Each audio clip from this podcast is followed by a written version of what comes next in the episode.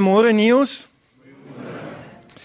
Ek groet elkeen van julle in die wonderlike naam van Jesus Christus.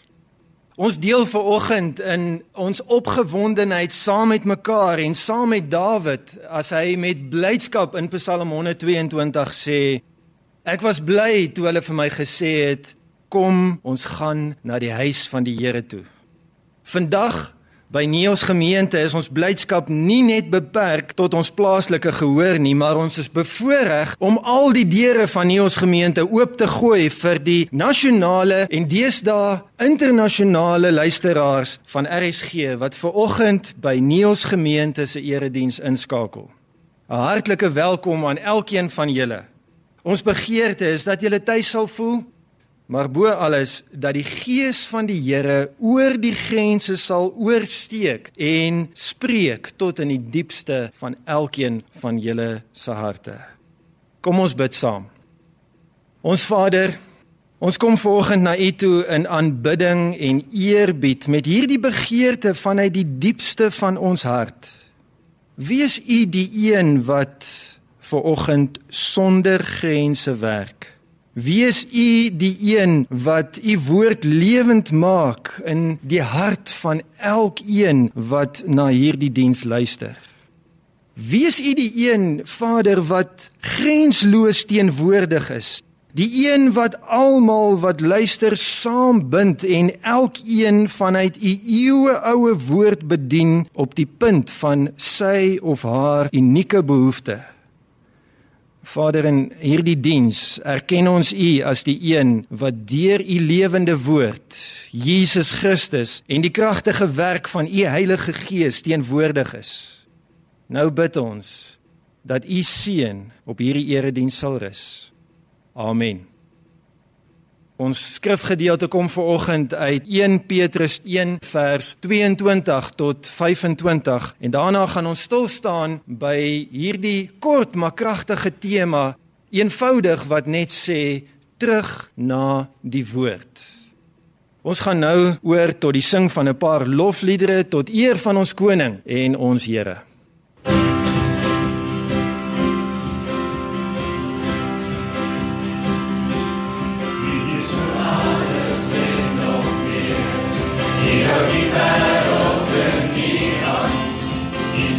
give them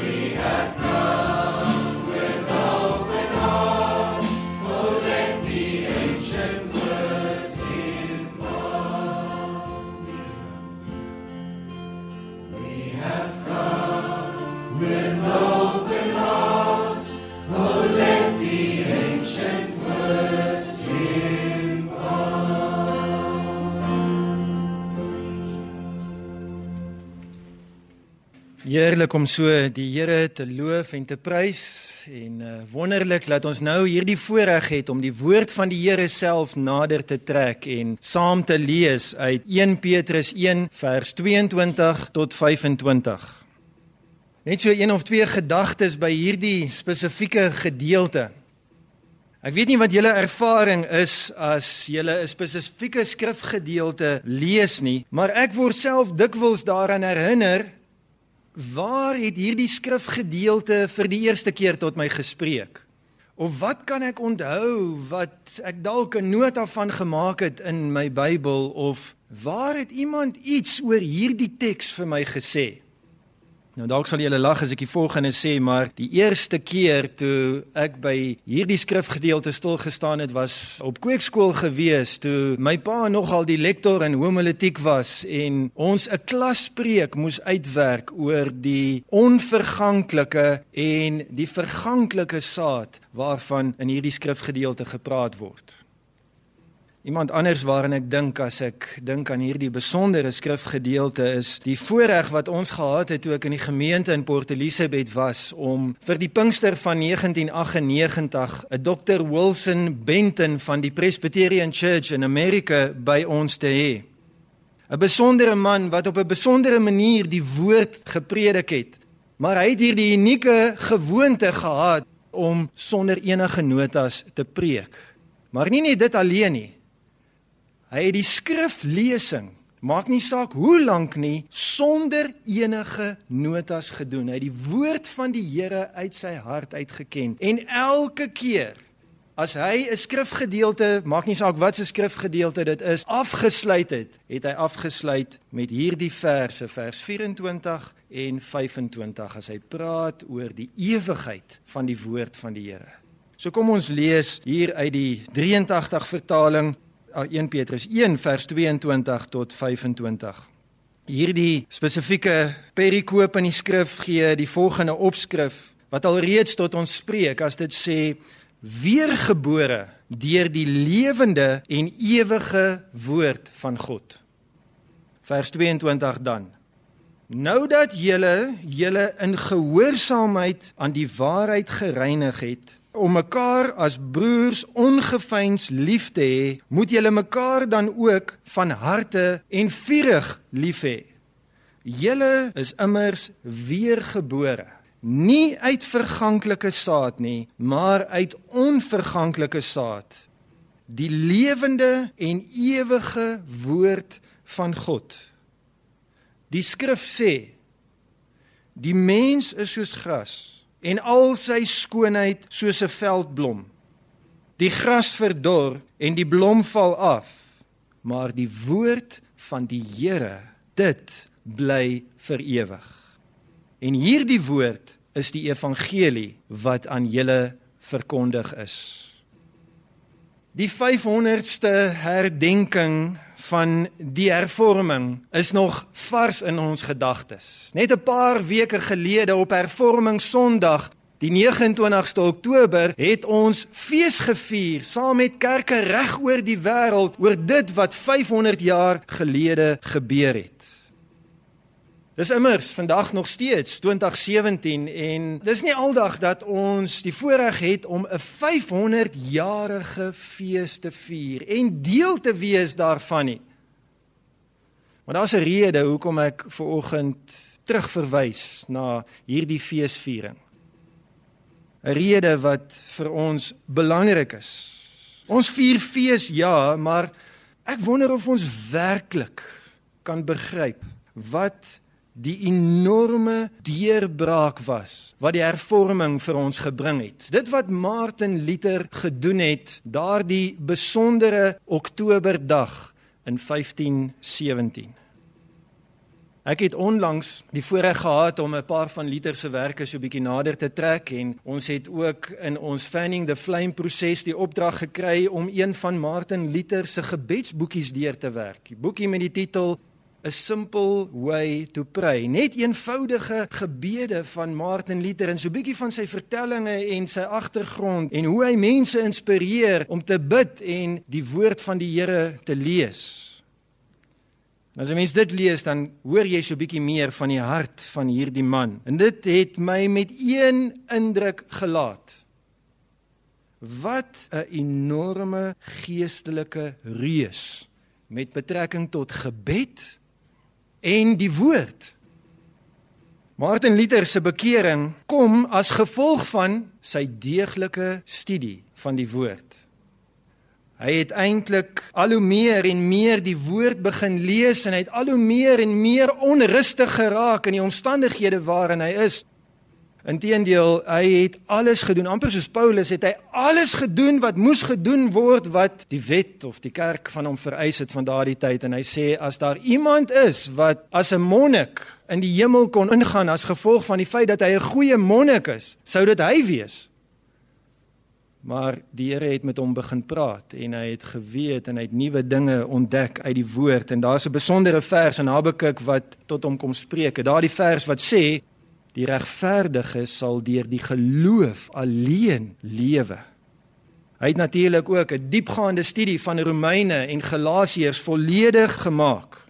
Maar dit waarheen ek beweeg, is dit wat op 'n stadium gebeur het 'n paar jaar na die reformatie en hierdie groot geleentheid in 1517 toe hy op 5 Oktober 1544 by 'n inwyding van 'n kerkgebou preek. Hierdie kerkgebou was eintlik 'n unieke kerkgebou omdat hulle sê dat hierdie die eerste protestantse kerkgebou is wat gebou is as 'n protestantse kerk want al die ander kerke was voor dit rooms-katolieke kerke wat toe nou verander is in protestantse kerke. En die besondere kerk was die Kasteelkerk in Torgau in Duitsland. Die klem val nie op die inwyding in die kerk nie, maar die klem val op wat Martin Luther daar gesê het. Hy sê die volgende: Die bedoeling by die gebruik van hierdie gebou is dat niks anders hier binne sal gebeur behalwe dat ons geliefde Here met ons sal praat deur sy heilige woord en dat ons op ons beurt met hom sal praat deur gebed en lofprysing. Hy het dit verder beklemtoon deur te sê ons kan enigiets oorsien behalwe die woord. En eintlik as jy Martin Luther se geskrifte gaan lees, dan is die woord en gebed interaktief. Kan nie sonder mekaar nie. Luther is die een wat die woord omsluit, wat hom oopbreek vir die gewone mense. Hy begin om die woord te lees. Hy bestudeer dit en uiteindelik vertaal hy die woord in Duits. En die gewone mense kan die Bybel begin lees. Dit's asof die woord terugkeer in die harte van die mense. En die resultaat 'n herlewing. Die geskiedenis van die mensdom kan in twee rigtings opgesom word. Die tye wat hulle wegdraai van God se woord en die tye wat hulle terugkeer na God se woord toe wegdraai van God se woord is tye van afval en korrupsie en vernietiging en onderduimsheid en alles wat sleg is. Dit raak al hoe erger en erger. Ek het op 'n stadium in die geskiedenis gelees van Engeland wat op die drempel was van 'n enorme krisis totdat daar 'n herlewing in Engeland plaasgevind het en die geskiedenis in Engeland het geswaai. Terugkeer na die woord van die Here ook in die Bybelse tye is tye van herlewing en herstel. Gaan lees maar gerus die verhaal van Esra en Nehemia en die opgewondenheid toe die volk eenvoudig die boeke gaan uithaal, die geskrifte gaan uithaal het en begin lees het en daar het herlewing gevolg. As terugkeer na ons skrifgedeelte in hierdie 4 verse wat Petrus met ons kom praat, speel hy twee dinge teenoor mekaar af dit wat vergaan teenoor dit wat nie vergaan nie. Die tydelike en die ewige. Hy gebruik die mens vir my en jou in ons liggaamlike vergestalting gebruik hy ons as 'n voorbeeld van die tydelike. En hy sê die mense soos gras, die mense soos 'n veldblom. Dis nie vir altyd daar nie. Maar hy gebruik die woord van die Here as die voorbeeld van die ewige. Die slotsom van hierdie gedeelte is dat die waarde van die woord uitgelig word vir ons en dat ons moet besef hoe waardevol die woord van die Here is as dit vergelyk word met die ewige. Die woord sê dat die woord sal vir ewig bly bestaan. Niemand en niks kan iets daaraan doen nie.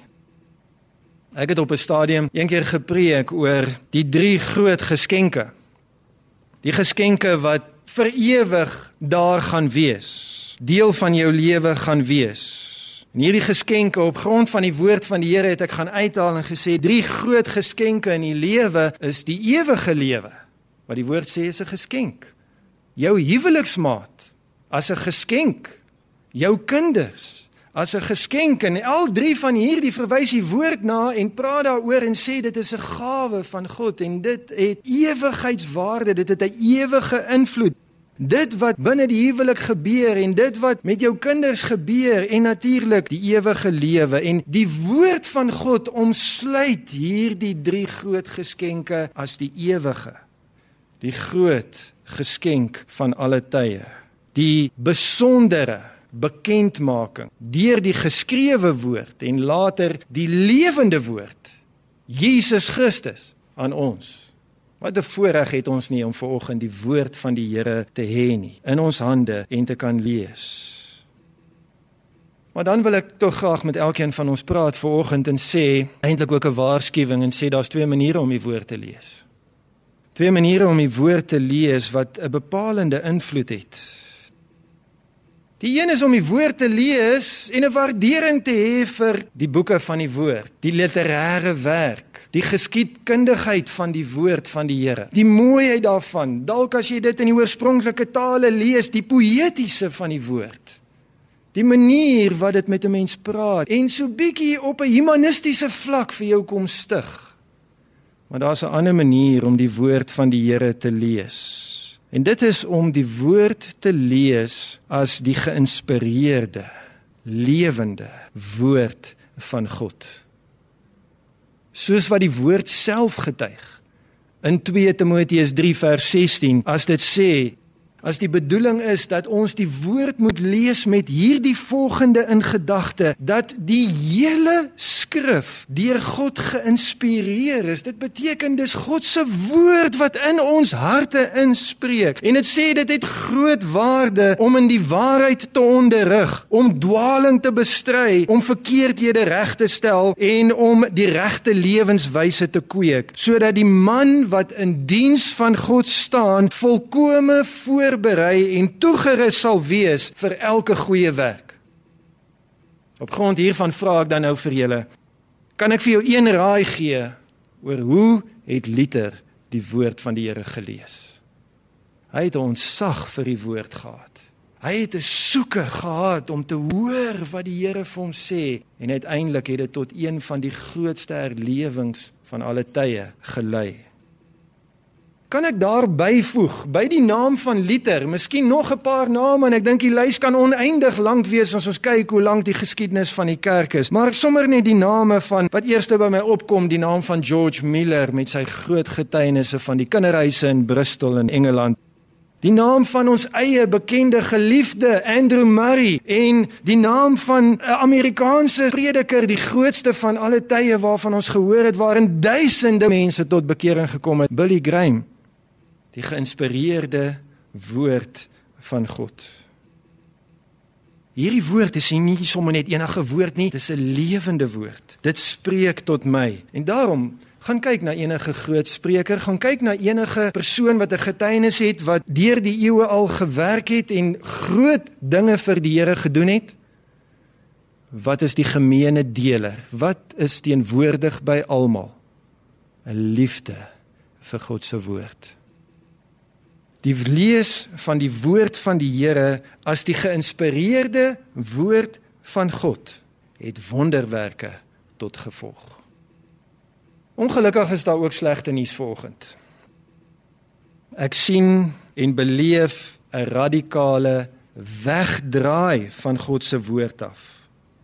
Let wel, nie die beskikbaarheid van die woord nie, maar die lees en die toepas van die woord. Hoe hartseer is dit tog nie dat jy die oplossing vir jou lewe in jou hand kan hê, maar jy gebruik dit nie. Jy pas dit nie toe nie. Ek het onlangs iets van Billy Graham gelees waarin hy die volgende gesê het: One of the greatest tragedies today is that although the Bible is an available open book, it is closed to millions, either because they leave it unread or because they read it without applying its teachings to themselves. No greater tragedy befall a man or a nation than that of paying lip service to a Bible left unread or to a way of life not followed. Om sy woorde te gebruik, dit is tragies. Eintlik as jy vandag na hierdie boodskap luister en jy weet voor jou siel jou lees van die geïnspireerde woord van die Here is nie op standaard nie, is dit niks minder as tragies. Hartseer omdat die woord van die Here soveel vir ons lewe beteken en soveel kan beteken. 'n Wegdraai van die woord is om die tydelike met die ewige te probeer vergelyk teenoor mekaar op te weeg. So belaglik is dit. Tog is dit wat gebeur. Ook in 'n land soos Suid-Afrika waarin daar gesê word 75% van ons land is Christene. Een van my geliefde psalms is Psalm 1 en Psalm 1 weeg ook die tydelike teen die ewige op. En die draaipunt en die middelpunt van daardie Psalm waar dit gedurig deur gepraat word oor wat is dit wat tydelik is en wat is dit wat ewigdurend is, is die draaipunt, die middelpunt vers 2 as dit sê dit gaan goed met die mens wat in die woord van die Here sy vreugde vind, dit dag en nag oordink. In my voorbereiding van boodskappe is ek lief om ook prentjies te kyk en prentjies te soek en ek het 'n prentjie afgekom van 'n Bybel wat so in die stof lê en dan is daar met die vinger daarop geskryf met 'n uitroepteken agterna: Lees my. Dalk is dit al wat nodig is vir jou vandag om die woord van die Here te lees. Ek wil nie graag ons jong mense uitsluit uit elkeen van die luisteraars in ons eie gehoor hier vanoggend nie. Vir ons jong mense ons en ons studente wil ek graag 'n professor aanhaal as ek mag. Die van julle wat dalk op universiteit is.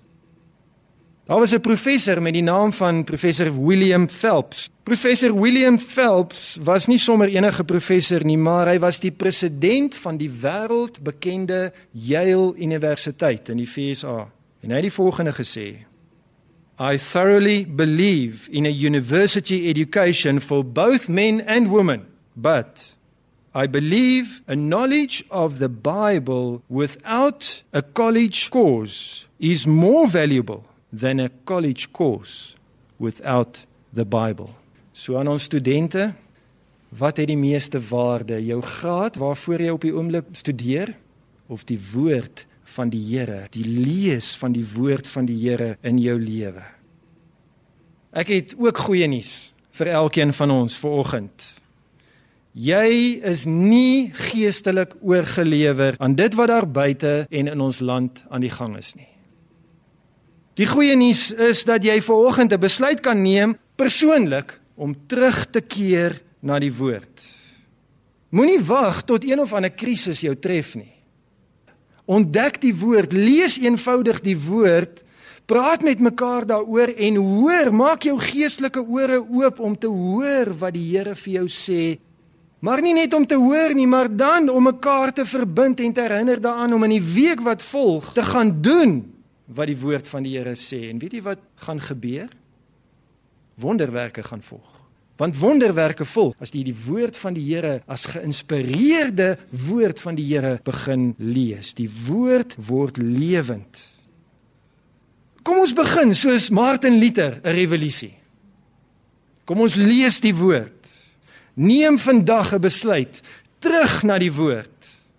Wat kan beter wees om hierdie jaar in die tydperk waar ons nou is, tussen hervormingsdag wat in die verlede lê en Kersfees wat voor ons lê, te besluit Ek wil die woord van die Here deel van my lewe maak. Die besluit te neem om die woord wat lewend geword het en onder ons kom woon het deel van jou lewenswyse te maak. Christus, die lewende woord in ons harte vir ewig.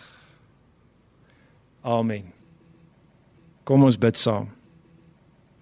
Vader, baie dankie vir u woord. Dankie vir 'n voorreg om u woord in ons eie taal te hê. Here dat u nie net tot ons gedagtes spreek nie, maar dat u tot ons harte spreek. En Here nou bid ek vir elkeen wat hierdie woord vanoggend gehoor het. Wat in sy of haar hart aangespreek is om met nuwe ywer terug te keer na die woord.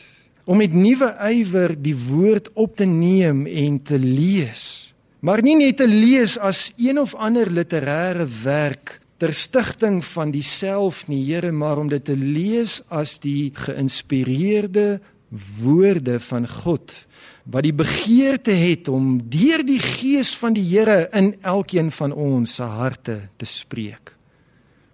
Here ek weet op grond van die getuienis beide in die woord en deur die geskiedenis dat as ons die woord opneem en terugkeer na die woord van die Here, volg daar wonderwerke.